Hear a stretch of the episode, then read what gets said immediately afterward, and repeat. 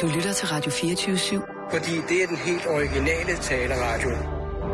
Velkommen til Bæltestedet med Simon Jul og Jan Elhøj.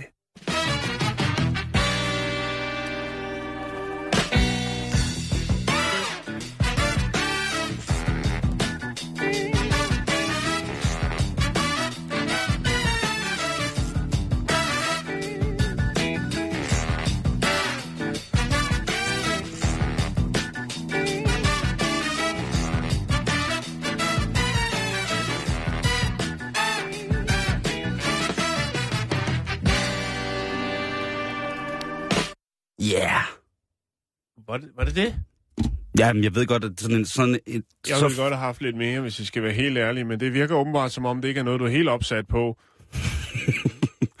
øh, tak, kaptajn Haddock. Jamen, det er helt fint. Det må jeg jo så... Jeg ved godt, det, jeg ved godt, det er funky. Det er funky. Jeg ved godt, det er stærk, stærk funk for dig. Det er Og når funky, det så oven i købet er begyndt at regne her i Københavnstrup, Jo, jo. Så må vi jo byde velkommen til, når ja, endnu en helligdag for nogen. Ja, hold da op, hvor I flotter jer derude, mens vi andre skal sidde her. Men vi vil gerne sidde, kan Jamen, godt... der er næsten ikke noget, vi hellere ville, end at sidde her. Nej, Så derfor er så, så gør vi det med stor, stor glæde. Skal vi lige anerkende lidt lytter? ja, det synes jeg, vi skal. For Fordi I er der godt er nok godt nok... Øh, Ja, det, det, gode ved hellig, det gode ved helligdag er jo så, at I kære lytter, I kan få lov til at sidde og rode på internettet, og så kan I jo finde nogle af de mest fantastiske ting. Og øh, altså, Christoffer Buk, vi har været efter dig før, men du er altså en dejlig dreng.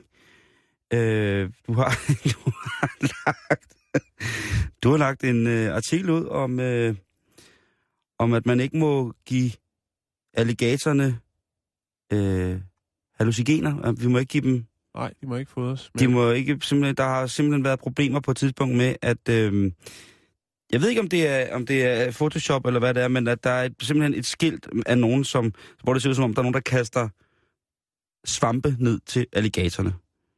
Det kunne være psilocybin-svampe eller andre former for psykedelika. Det må man simpelthen ikke give alligatorerne. Nej. Det må man i det hele taget ikke give dyrene. Nej, det er jo noget skrækkeligt noget, Simon. Det er... Øh, Prøv lige at tænke på sådan en, en koksende alligator i hælen på en. Der er jo ikke... Hælene på, der er ikke, det er jo ikke til at vide, hvad den tror og hvad den ser. Nej, men det, det... Der må jo være en grund til, at man sætter sådan et skilt op i en zoo. Det må være, fordi der er nogen, der ikke helt kan... Jeg kan jo godt lade min fantasi løbe løbsk og tænke, hvad der sker, hvis en alligator tager syre, men jeg tror i virkeligheden, at de går hen og dør af det. De kan jo sikkert blive rigtig, rigtig voldsomt skadet af det. Så det må man jo... Så ikke bare sige, at der har været nok hej her på radiostationen i dag omkring dyr. Jo, jo, jo, jo. Ja, det vil jeg, det vil jeg have lov til at mene. Nu, Ja. øh, nu, nu... det må vi sige. Men Så vi, tak, øh, øh, så, så, så tak til dig. Tak til alle de... Øh, Altså, der kommer også rigtig mange beskeder ind, Simon. Vi kan, altså, vi kan ikke nå at svare på alt, selvom vi godt ville, fordi vi skal jo også øh, lave øh, et radioprogram. ja, Men det skal vi. vi. Vi prøver så godt vi kan. Og det er ikke, fordi vi ikke læser, hvad I skriver eller noget. Mm. Vi, men vi vil også godt svare ordentligt, ikke? Jo, selvfølgelig. Men jeg, jeg vil bare lige anerkende Ja, her jo, til at starte med, fordi jo, at jo. øh, vi skal jo i virkeligheden også i gang med programmet. okay. Bandit, me and my son are here. I came to make a deal. Uh, five thousand dollars, Daddy. Chicken shit money. Just what the hell you want anyway? You to get out of this dumbass rodeo and accept a real challenge. Ja, Ja, Burt Reynolds. Det er aldrig nogensinde af vejen med et lille stykke, når det regner. Lige et lille stykke. et stykke Fint. med, med overskæg. Lige præcis fint skåret, og så meget, meget markant overbryn, ikke? Jo. Øjenbryn. Du har fået fat i den sydamerikanske ende af nyhedstråden i dag, Jan. Det har i hvert fald, vi skal følge op øh, på noget historieværk, vi havde. Jeg ved ikke, om det er en uges tid siden, eller hvor meget det er. Tiden flyver jo, når man har det sjovt. Øh, men vi skal snakke møl. Vi skal snakke møl. Og så sidder måske nogen og tænker, nå, møl? Har, har vi snakket om møl? Jeg kunne godt være en af dem, der var tilbøjelig til at tænke, nå, Men vi har møl. snakket om øh, vi har snakket om pesticider i Colombia. Øh, vi snakkede om det her omkring, at øh, Colombias præsident havde meddelt, at man ville stoppe øh, nedkastningen af det kraftfremka- eller for, kraftfremkaldende pesticider øh, for at dræbe øh, bøndernes, altså coca-planter, bøndernes øh, planter. De ville stoppe det der narkotika, hallo, Ja, det ville det i hvert fald. der har forvoldt så meget ondt. Og øh, jeg kan fortælle dig, at i, i, med fuld støtte og måske også lidt øh, materielt stillet til rådighed, så har øh, Colombia sammenlagt sprøjtet 4 millioner tønder land med ukrudtsmidlet øh, glyfosat igennem tiderne. Uh. Det er temmelig meget, Simon. Og øh, det siges jo at være kraftfremkaldende. Og tror også, det skader. Nu er det jo, det er jo typisk mennesker, ikke? Vi tænker jo kun på, at det kan være farligt for, for os. Men øh, det skader nok også temmelig meget andet derude i den smukke øh, kolumbianske natur. Men i hvert fald, Simon, så er der måske kommet en løsning på, øh, for man sige, det der er i det, det er jo, at man har gjort, grund til, at man har, har smidt det her, øh, de her pesticider ud over øh, de her kokamarker, det er jo fordi, at det simpelthen er for farligt at sende soldater, ja, eller andre bevæbnede øh, folk ind i de her øh, områder, hvor det bliver dyrket, fordi at øh, der er jo altså øh, nogen, der er villige til at forsvare disse områder, blandt andet FARC. Øh, så det er jo, altså det er jo, det er jo vil udvikle sig til en regulær krig. Og så har man fundet ud af, at det var smartere lige at lave et flyby med lidt, øh, lidt Roundup og lukke ned for det på den måde. Men øh, der har så øh, WHO jo så ud at sige, jamen øh, det, skulle ikke, øh, det holder ikke i længden. Men Simon, så Ja. vender vi tilbage til det. Fordi at øh, med hjælp og vejledning fra øh, Bogota Quindio Botaniske Have, så øh, har man altså fundet ud af, at der findes en, øh, en møltype, kan man vel godt kalde det, en mølart, som hedder Eloria noyesi. Mm. Og øh, ja, den ligner så mange af de andre møl. Den er beigefarvet. Det er der temmelig mange møl, der er. Ja, det er Øh, min, min mølle er den farve. Ja, dem du har inde i skabet med alle dine Hawaii-skjorter fra 90'erne. Ja. Øhm, I uld nemlig, fordi alle mine hawaii skjort er hermelin, hvad hedder ikke hermelin uld. Det, det, er jo, det er jo dejligt, Jo, jo. dejligt uld. jo, jo, Mohair, mohair. Mohair, ja. Lige præcis, Ja. det, var det, det, var, det var det materialebeskrivelse, jeg manglede. Du har også et par øh, Hawaii-skjorter af cashmere. Ja, det, Ja, ah, men det er, jo, det er jo mere fest, ikke? Fordi Jo, det, det er, er så fest. fint et materiale. ja. Øh, og kamel har jeg jo også. Jeg har en del øh, Hawaii body stockinger i kameluld, Jo. som jeg jo ynder at, Jo. at cykle de, rundt de i. sprudler i farverne. Ja, det gør de. De er meget levende, og det er måske Ja. også lige lovligt meget nu for en mand i min alder. Men du er også lidt Hawaii på en eller anden måde. Man kunne godt Ja, måske... tak. Altså, der, du er jo også blevet forvekslet med... Eller, haha, øh, Bobby Sixkiller. Ja, og det er jo, for mig er det jo en ære. Ja, Altså at, at, at, at blive anerkendt som Harley-strømmeren Lorenzo Lamas sidekick uh, Bobby Sixkiller, det er jo... du Altså- mangler bare den der ørering med, med fjeren i. Jamen, den har jeg. Vil du blive gladere, hvis jeg gik uh, med... Hvad siger Jakes ud? Hvad siger han? Skal jeg til at gå med fjerde ørering? Ah. Nej, er Ah, ikke der, jeg tror, nej, der, der får vi fra, fra, fra teknikken at vide, eller fra, fra ældsterådet at vide, det, det er nok, ikke, en, Det- det, det det er nok ikke. ikke en god idé, det der. Og så snakker vi ikke mere om det, som det var sagt her i firmaet. Tilbage til møllen. Tilbage til møllen. Ja, fordi at øh, denne her, Eloria noyesi, øh, som ligner alle de andre, den lægger, dens, øh, hunden lægger dens æg på kokaplanterne. Mm-hmm. Og når æggene klækkes, så er de laver, der kommer ud, de gnasker simpelthen løs af kokabladene. Og den kan altså fortære temmelig meget, sådan en, øh, en lille møllelarve. Og det gør jo så, at øh, når den har guffet bladene, jamen så er der ikke så meget at komme efter for de her landmænd, som producerer kokaplanter. Og så er der ikke så meget for pusherne og baronerne at sælge. Lige præcis. Til gengæld har man nogle Og sindssygt... det vil jo se sjovt at se far rende rundt med, pe- med små bøtter og pincetter for at, at plukke møl. Fordi det ligesom er der, at... jeg, jeg tænker bare på, hvordan møllene har det, når de har spist de der kokaplanter. ja, Fordi der er, jo en, der er jo trods alt en virkning, det er der, fordi mange af dem, der går og høster dem, går jo også og nyder godt af. og tykker lidt på dem, Ja. ikke? Og, og laver kokate og sådan nogle ting, og sager. Så jeg tænker bare på, at man har nogle fuldstændig raceragtige møl, der bare... Øh, der er lavet sådan nogle forsøg, Jan, hvor man har givet æderkopper LSD, og så så, hvordan at de Mm. spandt deres spindelvæv. Og det var sådan meget syret og sådan ting, og, sager. og da de så gav dem dejlig kokain, så var det jo, at de simpelthen spandt de mest symmetriske, lige, matematisk velfunderede Mm. spindelvæv.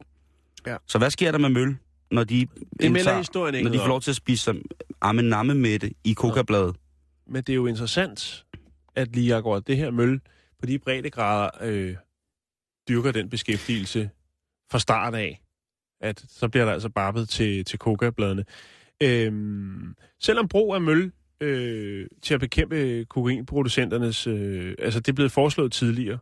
Øh, men økologer var ikke helt sikker på, at øh, de møl, øh, altså at de ville, de ville eventuelt med så stor, øh, hvad skal man sige, øh, Appetit? nej, med sådan en stor øh, centrering af de her møl øh, i de her områder, måske ville øh, kunne skubbe lidt til det her skrøbelige... Øh, Økosystem. Ja, det her skrubbelige, skrubbelige, skrubbelige økosystem. øhm, så derfor har man ventet lidt med det, men nu øh, viser det sig, eller nu har man i hvert fald nået frem til, at det skulle ikke kunne skade økosystemet. Øh, og når det er så sagt, så, øh, altså, så, er det ikke, så er det ikke noget med, at så går man i gang med at, øh, altså, Det er jo en ret stor... at samle, samle mølle ind, og så skal de ellers bare øh, spredes ud over der. Øh, men det vil være en del af det, og det er en, en ny mulighed, en ny tanke. Øh, og jeg synes, den er, den er spændende, den er interessant. Og igen, Simon, naturen, den har, hvad der skal til. Og det er jo faktisk stor business i økologi, og ikke mindst i biodynamik, det her med at lege fluer, bier og sådan nogle ting og sager, når der skal Mhm. mm-hmm. forstøves og, og hvad hedder det, når, når Bestøves. bestøves, ikke? Og der, øh, ja, bestøves nok ikke, forstøves. Der, nå, anyways. Ja, det er fint, det er fint. Der, det øh, er mandag, der, det der er mandag, jo, det øh, pinse. ja lige præcis, der, Yes. der, der findes en lille bitte dokumentarfilm på det store internet. Jeg vil ikke her sidde og, og give ud, hvor man kan finde den anden. Nej. Men det handler om en mand, som leger økologiske bier ud til blomstermarker. Folk, der har blomstermarker, hvor de skal bestøves de her blomster. Så kører man han lige ud med sådan en sin lille medarbejderflok af 50-70.000 bier. Ja. Og så stiller han lige staderne der nogle uger, og så klarer de lige, øh, så laver de lige business, og sørger for, at blomsterne de kommer til at gå videre i det økologiske system, og så triller han sig videre. Om det så er en filosofisk, etisk og moralsk øh, god balance-ting i økologien som helhed, at der er en mand, der kører rundt og leger bierne ud, når det ligesom skulle flyve selv og finde de her steder, og det ved jeg ikke, øh, i biodynamikken er det nok noget andet, men i økologien, der er det jo i hvert fald øh, rigtig, rigtig fint. Så det der med at lege et hold kokamøl, det er jo ret fantastisk. Og jeg kan da ikke igen øh, andet end at, at bare Bakke om bifald, musikken. ja, bakke om projektet, bifald ja. din mening med, at øh, musikken, den er bare så meget mere, eller Hvad vil du sige? jeg siger ikke musikken, jeg siger, naturen er bare så meget mere cool end, øh, end Roundup et eller andet sted. Det er en t-shirt.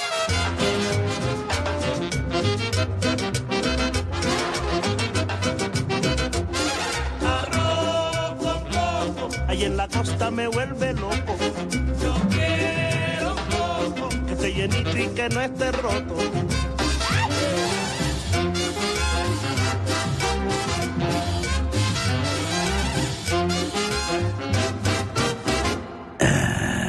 Hvis man ikke lige Jeg, sagde, jeg, skulle, jeg skulle lige til at sige, det var en t-shirt lige der. Det du sagde. Og nu har du glemt det. Øh, det? Det er lige meget. Okay. Jeg synes, øh, jeg synes vi sejler lidt i dag, Simon. Jeg synes også, det er lidt... Det er jo den der helligdag, det, er, det, er, det fucker alt op i mit system. Undskyld. Ja. Jeg lover at blive bedre til helligdag. Men det, det, det, det kværner rundt, rundt i hovedet på mig. Nu skal vi i, videre med naturen, Jan. Fordi det bliver et naturprogram det her i dag. Det kan ja. Jeg godt mærke på det hele. Vi kommer til Ja. at vade rundt i naturen. Det bliver også kunst. Det bliver også mærkeligt. Og også lidt liderligt. Okay, Ja. Nå, jeg er med på det hele. jamen det er godt. Den urbane natur, Jan, det er dyrene inde i byen. Ja. Fordi der er flere og flere dyr, der nemlig gerne vil bo centralt og tæt på nemme fødekilder. Dejlig skrald, og det er der faktisk meget af herinde. Så hvorfor ikke bare flytte ind og gøre det bekvemt for sig selv? Ligesom at mennesket jo også er flyttet ind til byerne, fordi at tingene ligesom er, skal være så nemme og bekvemme hele tiden. Som de forfædre dyrene nu er til os, så vil det jo også, ligesom os, som sagt, have det mere bekvemmeligt. Og det har London, Birmingham og Manchester, de tre byer. Det har de altså, det har de altså taget ret seriøst. Fordi der skal også være plads til dyrene. De har lavet en kampagne, som hedder Share the space, drop the pace. Og det har Der jeg har, oversat. været, der har været reklamebureau ind over der. Aus, og det har været dyrt. Ja, det Nej, har det. Det har været dyrt. Og det der der. har været ko... Nå, der har i hvert fald øh, der har været små tørre møl for Columbia. Jeg har oversat det til del pladsen og slip gassen. Det er også sådan et, et reklame-mottobyrå ja. et sted i, Jo. i, i udkanten af København, ikke? som Jo. lige kommer med det hurtigt der. Og de kan også få trykt nogle skilte, hvis der er noget. Men det gælder simpelthen om, at de byr, eller de dyr, der er kommet ind til byen, de skal altså have lov til at være der.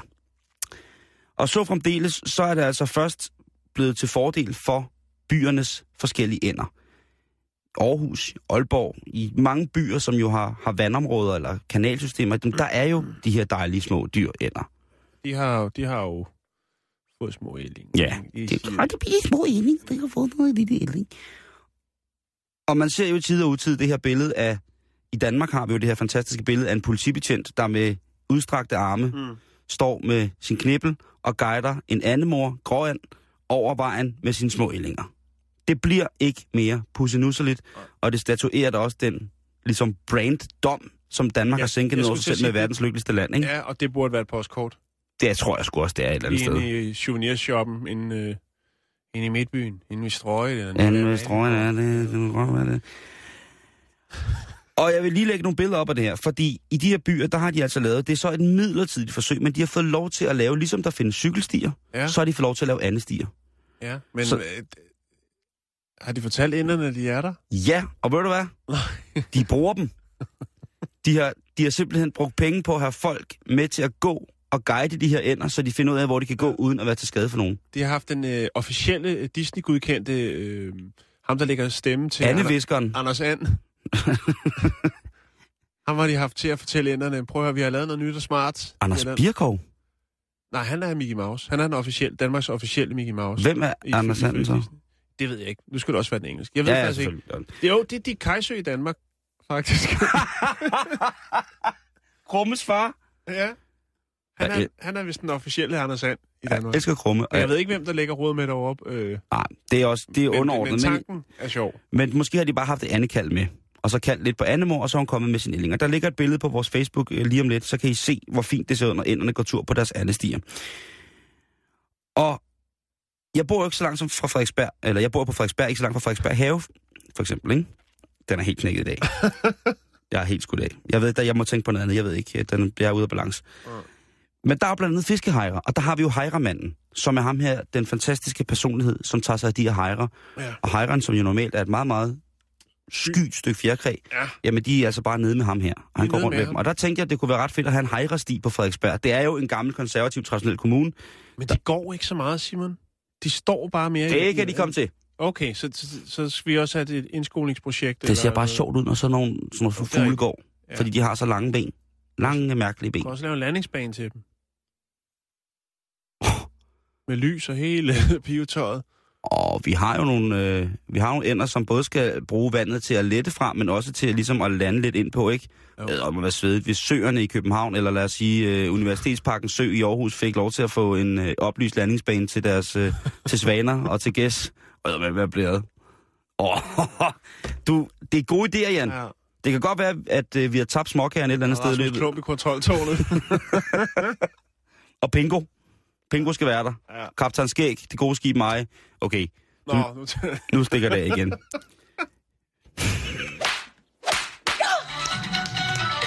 That is Tata, a pioneer in our universal and vain search for beauty.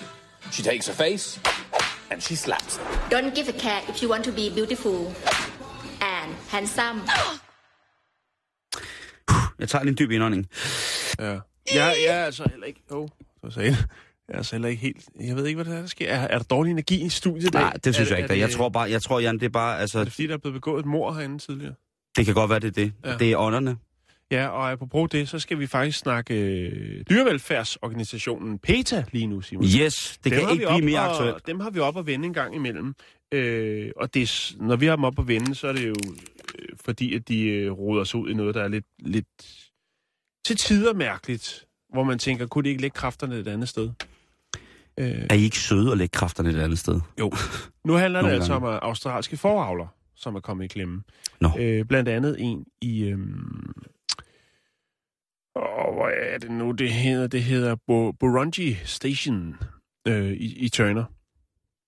Hvis det siger noget. Det gør det sikkert ikke. Det er Nej. også ligegyldigt. Det er Australien. Det, der sker, det er simpelthen, at PETA... Øh, åbenbart, jeg ved ikke, om de har nogle lyttestationer, men vi i, North, i New South Wales, de har altså hørt om en foravler, som efter sine skulle tale rigtig grimt til sine får. Okay. Altså, han, han skælder dem ud, eller Ja. banner dem af dem? Han, han banner af dem. Han, han misbruger dem verbalt? Ja. Det er ikke godt. Det er ikke godt, Jan.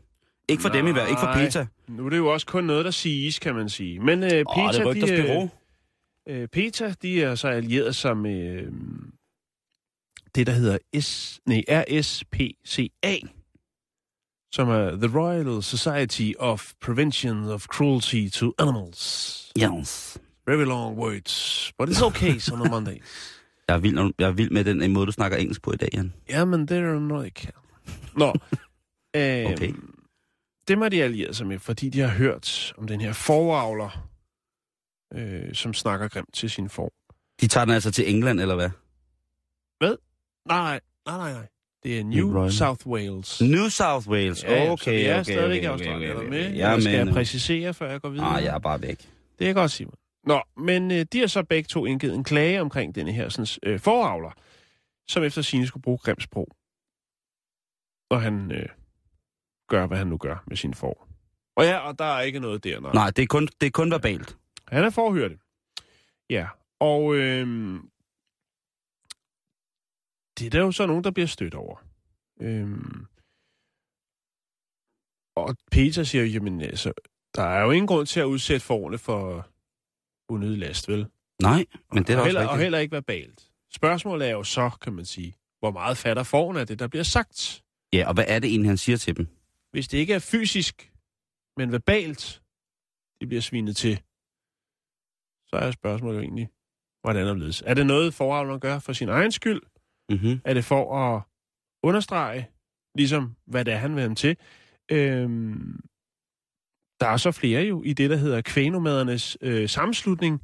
Der er der altså flere, der går ud og siger, prøv at vi er med på den vogn, og det er noget, der foregår under mønstring og klipning. Ja. Der skal nogen igennem øh, automaten der, når de stilles op til klipning. Og det kan godt være, at de ikke altid makker ma- makker ret, og så kan det godt være, at måske man bliver lidt træt og frustreret. Der, altså, jeg har set sådan en gang øh, australsk forklemning, og der er altså smæk på. Er du sindssyg? Der ryger er nogen igennem maskineriet, og det er manuelt. Ja. Og det er jo egentlig i og for sig også ret smukt. Jeg synes, det er rigtig smukt. Øh, altså frem for lige at rive dem ind i sådan en eller anden øh, barberautomat, ikke? Og så kommer de ud helt øh, forvirret bagefter. Det, man kan sige, at det, som jeg tror, Og som man gjorde i de gode gamle dage. lige præcis, og det går det er med sejt, når de kan det der. Når de lige får dem hævet op på bagbenene og sat dem på numsen forne, og så kører maskinen altså bare... Lige præcis. Og så, og så vid. det der med at råbe dyr, det er jo aldrig rigtig godt. Man slag, snakker også om det med slagterierne i Danmark, for eksempel. Det der med, at der ikke må være høje lyde. Fordi jeg tror som sådan ikke, at forne kan, lide, kan lide ordene, men de bliver jo skræmte over, når de går de her drivgange, så bliver Jo. de skræmt af de høje lyde, som der kommer. Jo, jo det, så bliver de jo stresset, men, men, Ja. men jeg tænker bare her, har det måske egentlig ikke noget med stress at gøre. Jeg tror bare, det er noget med, åh, kom nu her, Rax, stil dig nu der, agtigt. Men jeg tror, det er lige så meget, jeg tror for, for, for og nu er det så bare et gæt, men jeg tror for den her sådan, forhavle, der handler måske mere om, ligesom for ham selv, ligesom at understrege, hvad der skal ske med det, hvor det ikke er lige så meget for stress. Altså fordi, jeg, jeg tænker også, det er tonelaget, der gør, om den bliver stresset. Det er meget tonelagt. Det kan Øh, også der kan man jo sige nogle, nogle væsentligt højere lyde. Der behøver man ikke at sætte ord på Mm-mm. for at stresse dyrene, og jeg tror Nej. ikke, det er det, han ønsker. Men Simon, øh, den her øh, foravler, som så åbenbart er den, der øh, ligesom er blevet eksemplet i den her sag øh, for Burundi Station, øh, han siger, jamen jeg har ingen planer om at ændre mit sprog for at gøre PETA øh, glade. Vi fortsætter, som vi altid har gjort. Sådan er det. Ja. Men det er jo også, altså, hvis man... I Danmark, der må man jo ikke, for at undgå paragraf 16-tingen, som jo er det her øh, paragrafen om vandrygt og misvilligeholdelse af dyr. Altså, der er jo så mange ting i forhold til, hvilke dyr man har med at gøre, om man behandler dem. Og jeg har da hørt... Altså, hvad, når, hvad så, når man skælder sin hund ud? Fy, ja, hvor er du grim. Du grim. ja det, måske, det vil jeg måske ikke sige til en hund. Det er der nogen, der siger. Ja, det ved jeg godt, men det, det, det tror jeg, det kommer ind fra mennesket, fordi det, det, det, det siger nok mere om mennesket, end det gør om den gerning, Jo, jo. som hunden, den ugerning, som mennesket føler, hunden har udført, ikke? Jo, jo, jo, jo. Grimme hund! Dumme hund! Så tror jeg mere, at det, det ja, det, jeg, ved godt, der er folk, der snakker sådan til deres dyr. Det, hvis det er noget, der, der løfter dem, jeg tror, som, som sagt, så tror jeg, du er fuldstændig ret i det der med, at det er tonelejet, der gør det, ikke? Mm. At man ligesom, man kan jo godt se på dem, at når man lægger en bestemt tone, så kan alle dyr se ud, som om de godt ved, at de har gjort noget forkert, ikke? Lige til sidst, Simon, så Ja. vil jeg lige sige noget. Øh, det er jo sådan, at øh, Peter hører om det her. De får simpelthen en øh, anonym henvendelse. Jeg ved ikke lige, hvordan det er foregået. Og efterfølgende, så øh, kan de altså så som bevis, så har de åbenbart haft en eller anden undercover en ude og filme Det gør de jo gerne. Ja, så er der altså en, der har en ulv i forklæder, der har, har snedet sig ud, og simpelthen dokumenteret, når, når de har stået øh, på den her, sådan, øh, den her, sådan, øh, ude hos den her foravler, og, og de har givet rundt med, med forne, har optaget det som bevismateriale, for at der ligesom overhovedet kunne blive nogen sag ud af det. Men øh, ja. Jeg ved ikke, jeg har altid tænkt på, hvordan en ulv i forklæde ser ud. Jeg er blevet snydt! Jeg er blevet bedraget! Din. Hej Jette, hej Jette! Jeg er blevet snydt! Jeg er blevet bedraget! Hvad er det for noget sludder, Rasmussen? Jeg er blevet snydt! Hvem har snydt dem? Ham der! Men det er også mærkeligt at tage forklæde på, når man er en, hu- en ulv, ikke? Ja, Altså, det- tænker, hvorfor, hvis ikke det er det tage, første- hvorfor ikke tage pels på i stedet for det? det er de nye cool små ulveunger, der er kommet der. De skal have små, bitte små forklæder. Ej, nu, nu skal det stoppe det her. Vi skal til noget meget alvorligt, Jan. Vi skal snakke om Dr. Odin. Prøv at, der skal være plads til en dårlig vidighed. Jeg tror en, ikke, En impulsiv dårlig vidighed. der, der er næsten ikke andet i det her program. nah. Jeg har lige snakket om kokainmølle, det er der sådan. Nå, hvad siger du, Simon? Kokain, det er en meget, meget klassisk ko- kokainmøl. Jeg siger, at vi skal snakke om den franske læge Michel Audin, som i dag er, er 84 år gammel. ja. Han er, har været en af de ledende figurer inden for blandt andet hjemmefødsler og den moderne fødselsgang i det hele taget.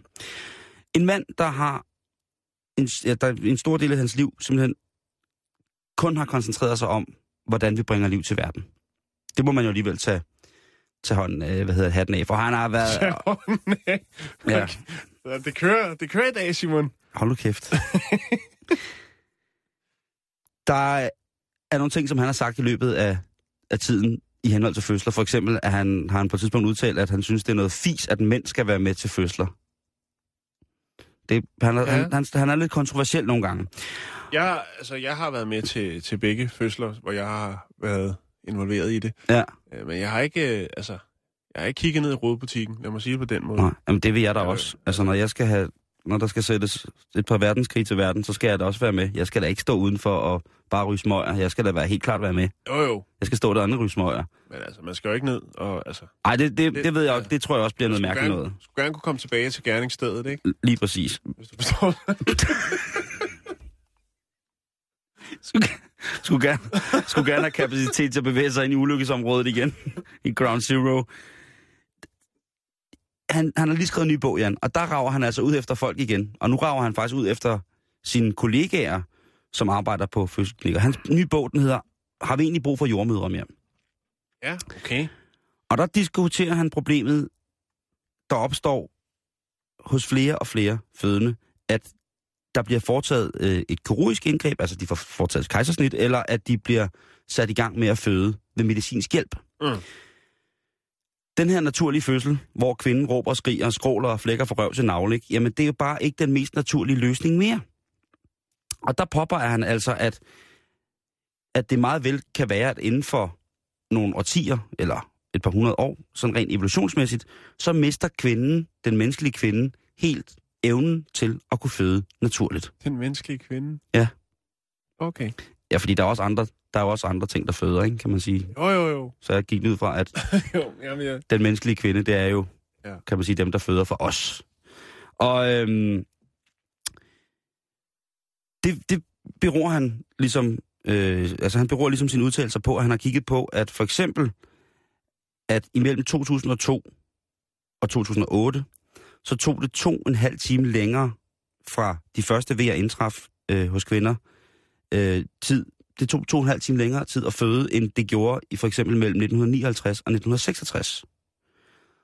Simpelthen fordi, at i gamle dage, så gik fødslerne hurtigere. Det er i hvert fald hans påstand. Og det mener han er fordi, at jamen, kvinder skal tit sættes i gang, eller de skal have et eller andet. Jeg ved jo af gode årsager ikke andet end om fødslen, at det er en forfærdelig smertefuld oplevelse, og at det til tider kan efterlade et, et ulykkested, som stille og roligt kun af tidens tand kan hele og blive godt igen. Og så selvfølgelig, at der er en fuldstændig ubeskrivelig smerte indblandet i det for, for kvinden. Han påpeger også, Mr. O'Down, at øh, i England, ud af 166.081 fødsler, øh, eller der er 166.081 fødsler, og det er mere end en, øh, en fjerdedel af alle fødsler fra to, i 2013 til 2014, de blev foretaget ved kejsersnit. Altså også, hvor man så forskånt den nederste etage af, af kvinden.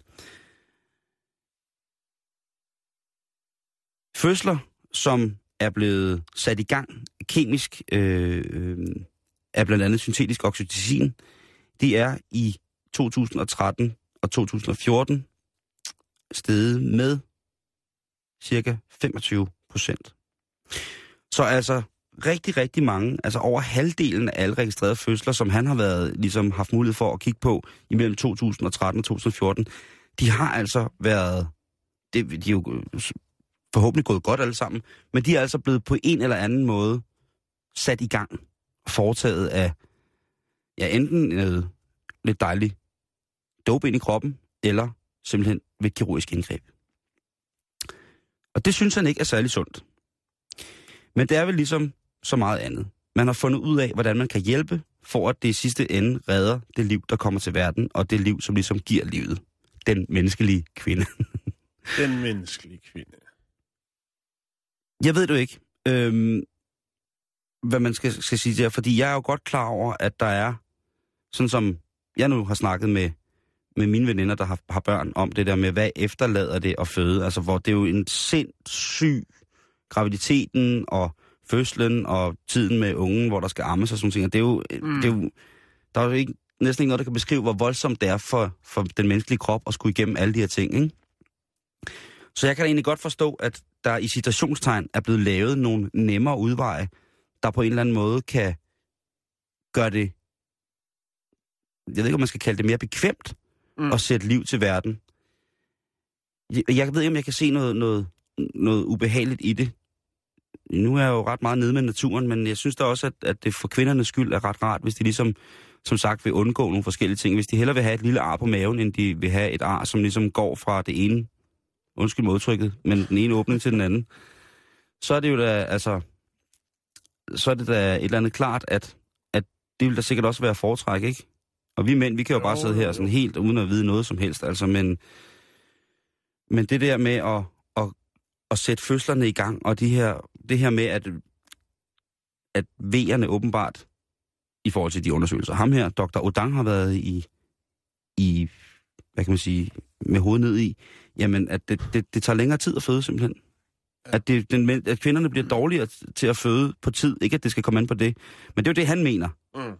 Altså han mener simpelthen, at vi er i gang med at degenerere os selv rent evolutionært. Til gengæld har man minimeret lægnings, øh, lægge, læggetiden efter fødslen. Ja, så de kan komme hurtigere hjem. Ja, de skal bare ud af vagt. Men der, han, han raser jo over det der med, med overhovedet at føde på hospitaler. Han er jo sådan en gut, som synes, at hjemmefødsler, det er bare the shit. Der skal, ja. bare, der skal pølles børn derhjemme, du. De skal bare ud derhjemme for fulde gardiner. Det er bare på med gummilanet, og så... Det er en stor skraldesæk, og så, øh, så står man klar med en rangler og en hoppekniv, og så er vi ellers... Øh... Ej, Simon. Ja, hvad fanden vil du ellers tage navlestrengen med? Nå, okay, jeg har du, troede... Har du, har du knædet den over? Nej. Det er der jo nogen, der gør. Ja, øh, det har vi haft op at vinde. Ja. En, en fin, fin hjemmeside. Men det er jo så også... En slags... Der er en, hvad hedder det, en professor, som hedder Sue Down, som er professor i, øh, hvad hedder det, hun er jordmor som professor ved Universitetet i Central Lancashire. Og hun har udtalt til Sunday Times omkring den her øh, Michel Oudang, at øh, han har jo tidligere været ude og sige ting, som er, er ret, ret mærkelige og kontroversielle. Mm-hmm. Blandt andet det her med, at mænd ikke skulle være, være tilladt til fødsler.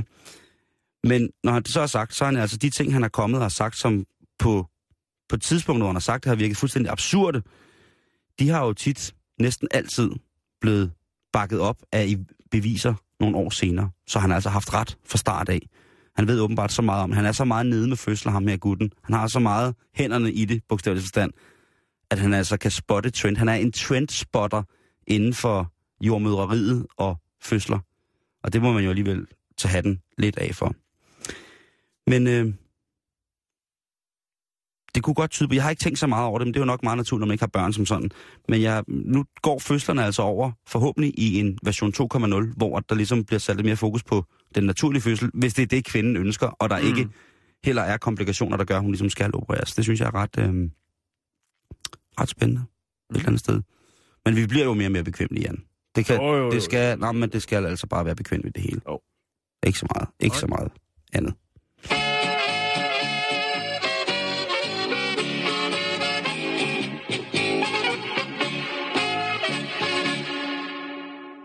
Så skal vi snakke kunst. Mm? Åh, oh, skal jeg lige ret ryggen? Ja, vi skal til New York. Vi skal på, jeg tror, det hedder Frise, Frise Gallery. Mhm. Øh, vi skal snakke om en kunstner, der hedder Richard Prince, som jeg faktisk ikke øh, kendte, men øh, det gør jeg nu. Altså ikke personligt, men øh, nu har jeg i hvert fald stiftet bekendtskab med hans øh, kunstværker og den måde, han arbejder på. Øh, lige nu, der udstiller han nemlig øh, andre folks Instagram-billeder. Ja. Og øh, der er jo nogen, der mener, det er noget rettighedsbrud og så videre, så videre, men øh, det er Richard Prince sådan set ligeglad med. Og øh, den udstilling, som indtil videre er en øh, lukket udstilling, det vil sige kun for særligt udvalgte, der det kunne være folk, der har penge til at investere i kunst, og dem er der sikkert en hel del af i New York. Øh, ja, indtil videre så har han solgt for øh, 600.000 danske kroner. Øh, og som sagt, andre folks Instagram-billeder, som han har kopieret. Øhm, Richard Prince er berygtet i kunstverdenen øh, for at tage andre folks arbejde og så øh, ligesom claime det. Altså sige, Altså, han- at, det, at det, er, det er hans. Ja. Øh, og han lægger ikke skjul på, dog, at øh, det er noget, han har stjålet for andre. Øh, efterfølgende så har, har det lykkedes, lige siden han startede i 70'erne, at sælge de her sådan, øh, kunstværker for ekstremt høje beløber. Det kan jeg lige vende tilbage til. Øh, de her Instagram-billeder, som han udstiller og sælger nu, der har han altså hverken fået tilladelse øh, på den ene eller den anden måde for de her screendumps af andre folks Instagram-billeder, som han har så har øh, sat op i nogle store øh, rammer. Øh, det, der er ved, ved alle billederne, det er, at han faktisk øh, har kommenteret på dem på Instagram, før han har kopieret dem. Øhm, og det er selvfølgelig klart, at der er selvfølgelig nogen, der føler sig stødt over det her. Blandt andet øh, singer-songwriteren Sky Ferreira, som øh, havde et portræt på sit, øh, sin Instagram, hvor hun øh, sidder øh, i en lille rød sportsvogn, og øh, efterfølgende i det her billede, så har øh, Richard Prince været inde og kommenteret på det og skrevet, øh, nød turen i dag, lad os snart gøre det igen, Richard. øh, og så har han altså, så er der kommet lidt, lidt spydige øh, bemærkninger den anden vej fra den her singer-songwriter. Øhm, der er også en fotograf, som hedder øh, Doe Dira, som øh, har fået at vide, at hendes billede til synlædende er blevet øh, udstillet i New York. Øhm, og hun har selvfølgelig også hørt, at øh, det her screenshot, eller det her screendump af hendes billede, er det, der er blevet solgt.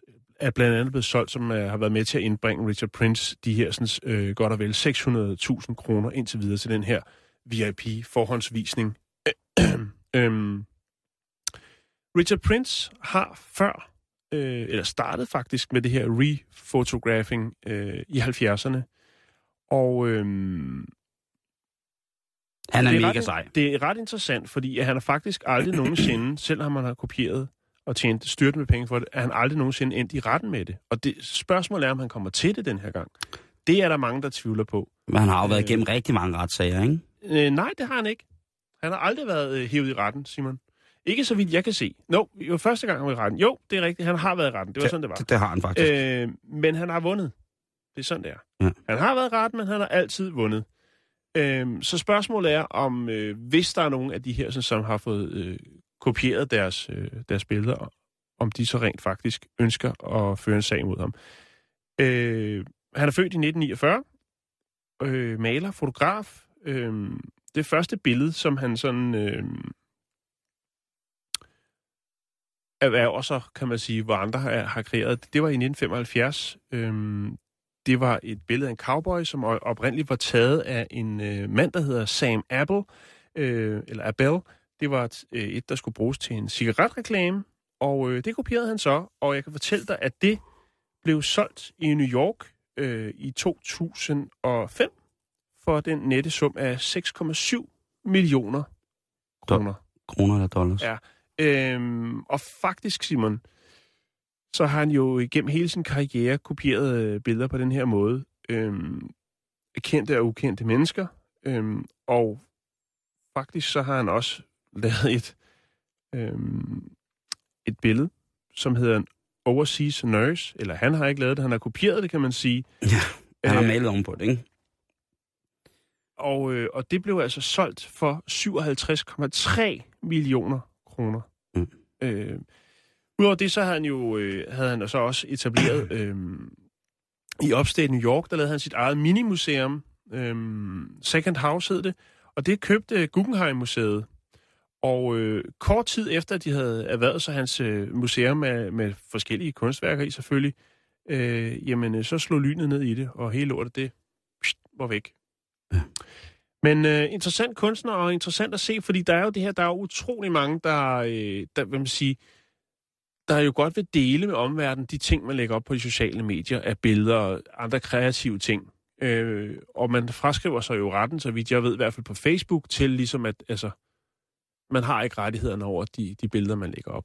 Nej. Det har Facebook. Øhm, så det er jo ret interessant, og det er jo også af en voksen herre som ham øh, meget interessant, at han lige vælger det greb på sociale medier, hvor folk jo viser deres og deler ud. Man siger, der er mulighed for, øh, at små kunstnere, som er dygtige øh, på den ene eller anden måde, ligesom kan vise omverdenen, hvad de kan. Øh, og han har jo ligesom været i gang med at kopiere, og, og, og man siger, der er jo også mange ting i dag, der bliver kopieret, fordi at det er alt er tilgængeligt på nettet. Så har man Mm. en kreativ idé, og tænker, man egentlig godt, man, man er egentlig glad for det, og tænker, man vil godt have, hvad skal man sige, man vil godt have eksponeret, men også godt holde det for sig selv, så man ligesom selv kan få, hvad skal man sige, noget økonomisk ud af det, eller det kan blive en levevej. Men der er også chance, stor mulighed for, at andre derude ser det og kopierer det. Mm. Øhm, og det er jo interessant, at sådan en som ham jo, som jo så måske, efter hvad jeg kan se, Richard Prince er den første, der ligesom har benyttet sig af det her, jo så lige griber fat i, øh, i det her, så der er så nu omkring øh, de sociale medier og rettigheder osv. osv.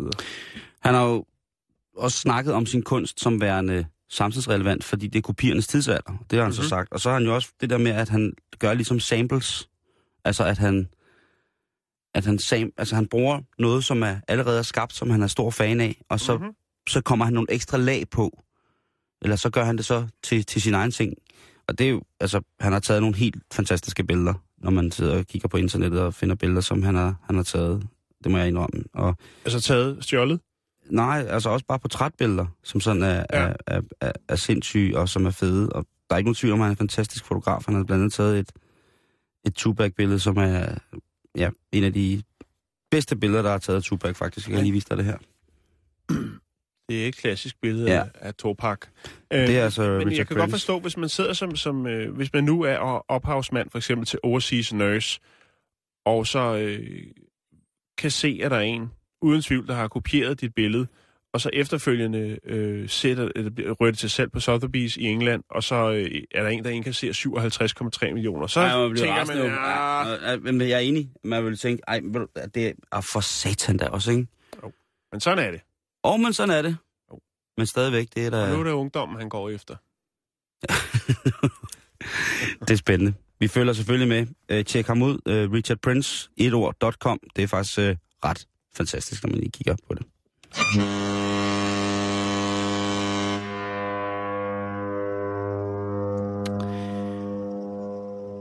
Det er sommer. Det er forsommer. Det har, har lige været fyldt med konfirmationer. Og nu kommer vi altså også ind i det, der hedder bryllupssæsonen. Åh, ja, tillykke,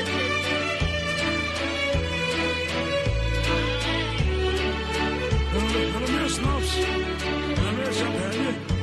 Er der mere? Hold kæft til lortebryllup. Jeg hader laks. Ja, da vi blev gift, fik vi high cocktails. Er der ikke mere hedvin? Hedvin, grøntsager. Port eller martini? For helvede! Jeg skal i hvert fald inden for den nærmeste fremtid, kan jeg godt afsløre her, til to bryllupper, som jeg glæder mig usandsynligt meget til.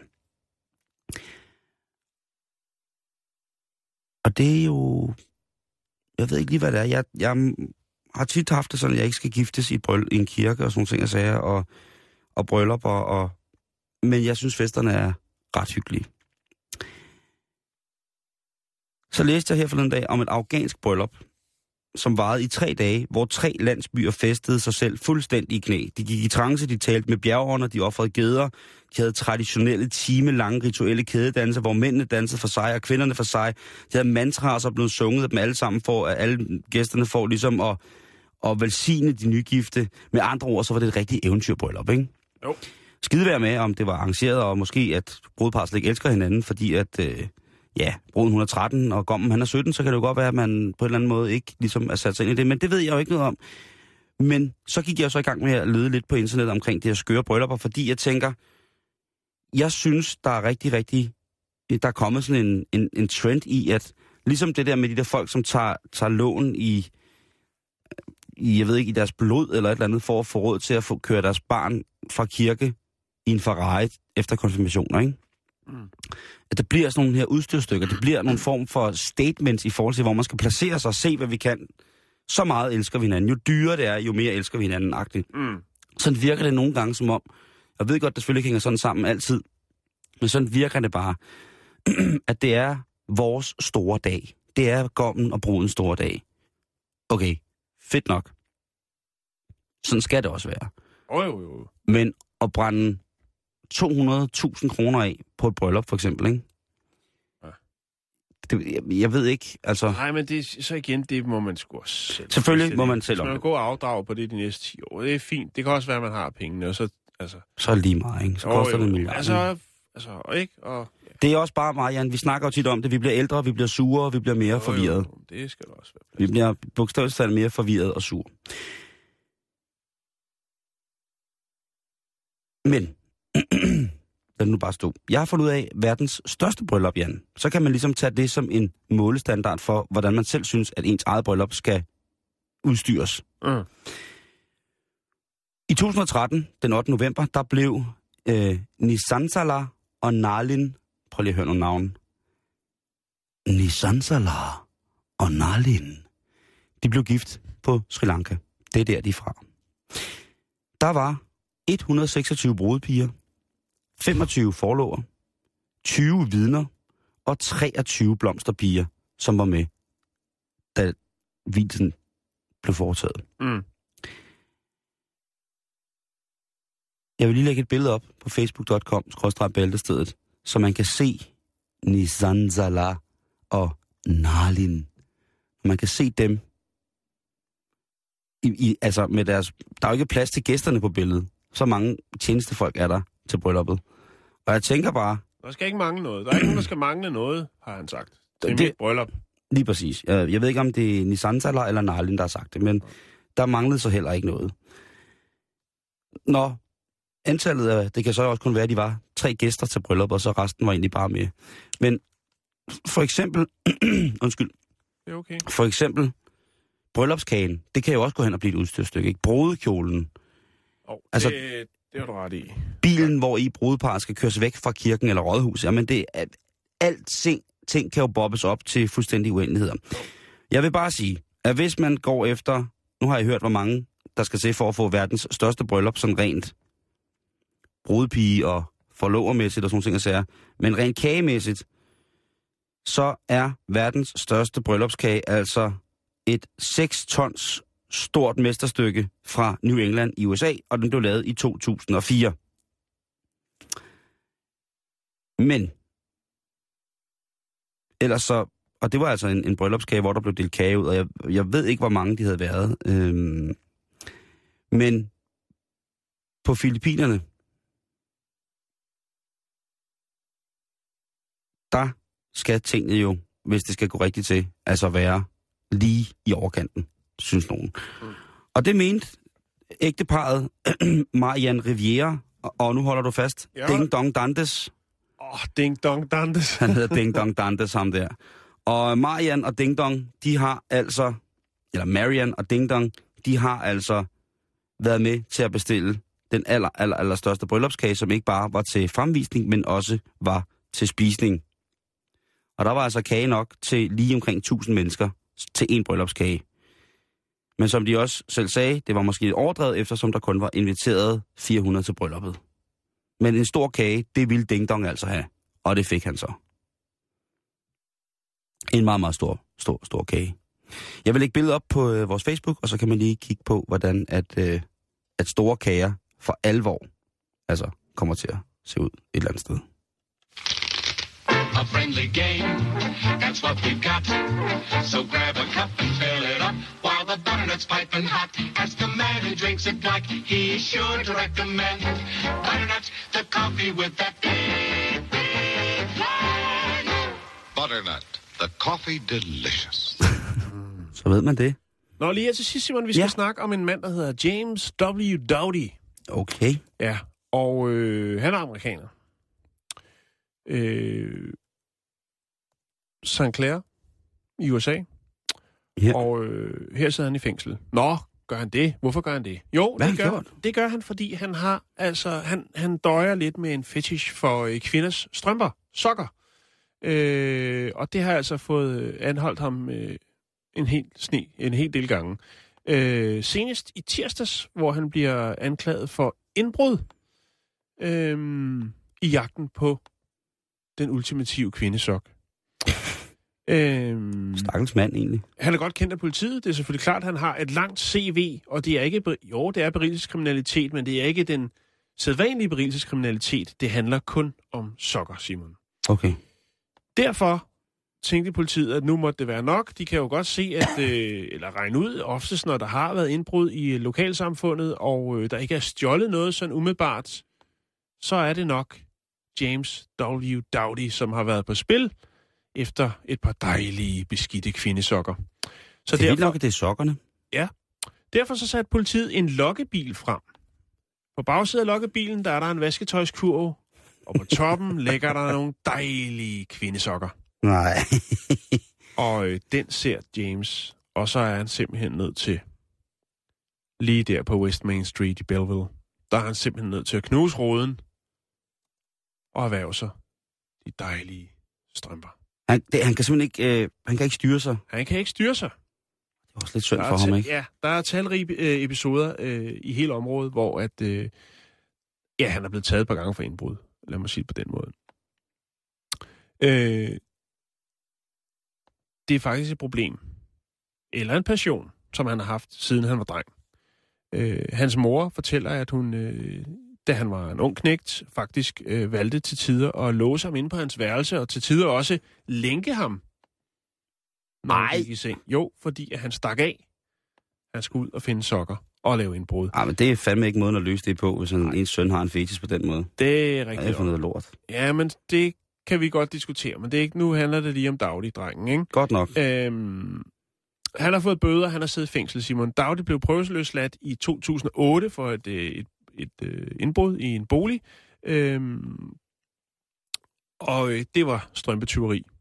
2004, der sad han øh, syv år i fængsel, eller afsonet syv år, øh, i forsøg på sokindbrud, som der står i, i politi, politijournalen.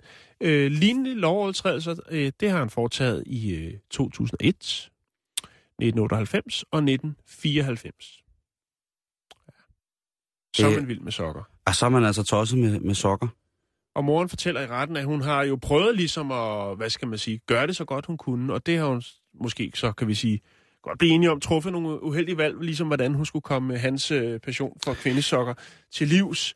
Øh, men altså, han kan simpelthen ikke nu øh, holde op. Og nu klapper fælden, fordi det er jo klart, en ting er jo, at man render rundt og stjæler sokker, men når man tvil, tiltvinger sig adgang til, til folks Private ejendele. ejendom først, og så ind og tage det øh. Ja, ja, men den er, den er god nok. Den er god nok. Så lige nu, der er han, øh, sidder han i øh, St. Clair County Jail, og hvis man har 2 millioner danske kroner, altså 300.000 dollars, jamen, så kan man øh, kautionere for ham, For sokkemanden. for sokkemanden. Jeg, jeg, jeg synes... Jeg synes, det er voldsomt et eller andet sted. Men på den anden side set, hvis det er, bliver ved med at... Altså, hvis det handler om... Fordi helt konkret, så handler det jo om... Altså... Mm. Hvad hedder det sådan noget? Men kan du huske- Berigelseskriminalitet, historien, vi havde om den kinesiske mand, der stjal, øh, han boede i et bolig, stort boligkompleks, Ja. og stjal undertøj. Kan du huske historien om, vi havde, havde ham manden, som stjal højre sko for damer på rulletrappen i Brooklyn? Det er rigtigt, ja. Og ved du hvad? Jeg ved det ikke. Jeg sad og læste en artikel i går på en... Øh, da vi sad og forberedte programmet til, hvor der, jeg blandt andet læste om fodfetis, og det er åbenbart den mest udbredte fetis, sådan, Mm-hmm. som sådan, det er åbenbart øh, fødderne, som er genstand for mange af de her forskellige fetisser. Ja. Simon, vi når ikke mere i dag, men vi er der tilbage igen i morgen. Vi kan håber, at vi er lidt friskere i morgen, ikke? Jo. Jeg beklager, at det, det har sejlet sådan, men øh, lige om lidt, så er der mere dejlig, dejlig radio. Tak for i dag.